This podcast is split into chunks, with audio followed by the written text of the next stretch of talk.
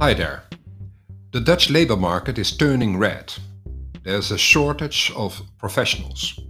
One of the opportunities the international operating organizations have is to attract foreign specialists. To do so, Werkenbij.fm introduces a solution native English podcasts and podcast series. My name is Alexander Steeg. In this podcast, I'd like to introduce my new colleague, Micheline Bentley, who might help you in the near future to attract talent to your career website. Let's meet her.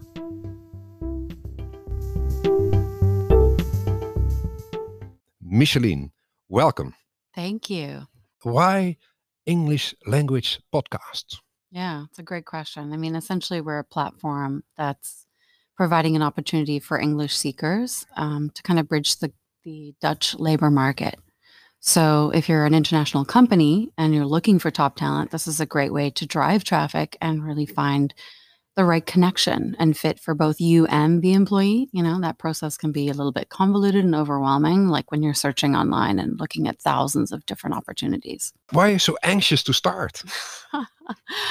you know, I think there's a lot of untapped potential in how companies can reach new individuals and talent um, that they that may have never heard of them before uh, you know, you may be a large organization, you could be a much smaller one, but in the end, um, how are people finding out about you? And certainly from a more personal perspective, and I think that's kind of where our goal is to essentially highlight, you know, the inner workings of an organization. Like seeking on both sides of the fence takes time and effort.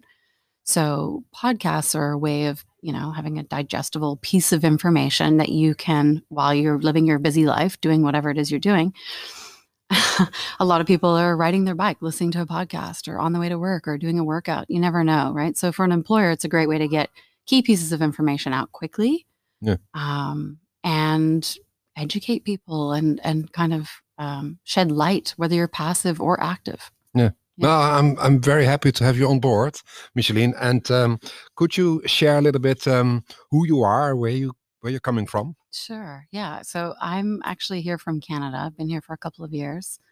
And, uh, you know, I have the experience of being the expat.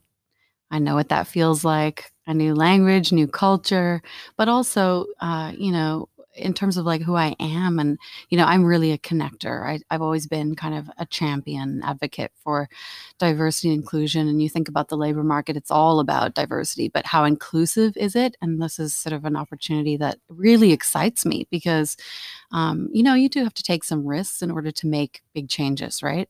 Um, kind of live my life like that. So I feel like my focus over the last 10 years, um, being that bridge for uh, corporate employers mm-hmm. and mm-hmm. understanding people from coming from many different, especially in Canada, countries and cultures. And, you know, I feel like I can really empathize and gain perspective on how to help you.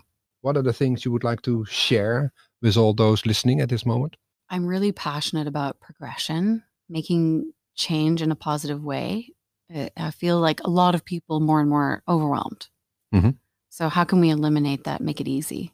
Um, I feel like what I bring to the table in terms of experience and perspective is um, helping, you know, the employer navigate what's out there. What are the opportunities? How can we drive more people towards you um, and make the experience less daunting? I think if you demystify how companies really operate and what's going on, it, it provides a new playing field. Okay, so um, listening to this podcast, ending it really now. The last question How can people reach out to you? Great question. Yeah, I think the best way right now is to go on the Werkenbij website. Only word you really need to know in Dutch. Werkenbij. Mm-hmm. Yeah.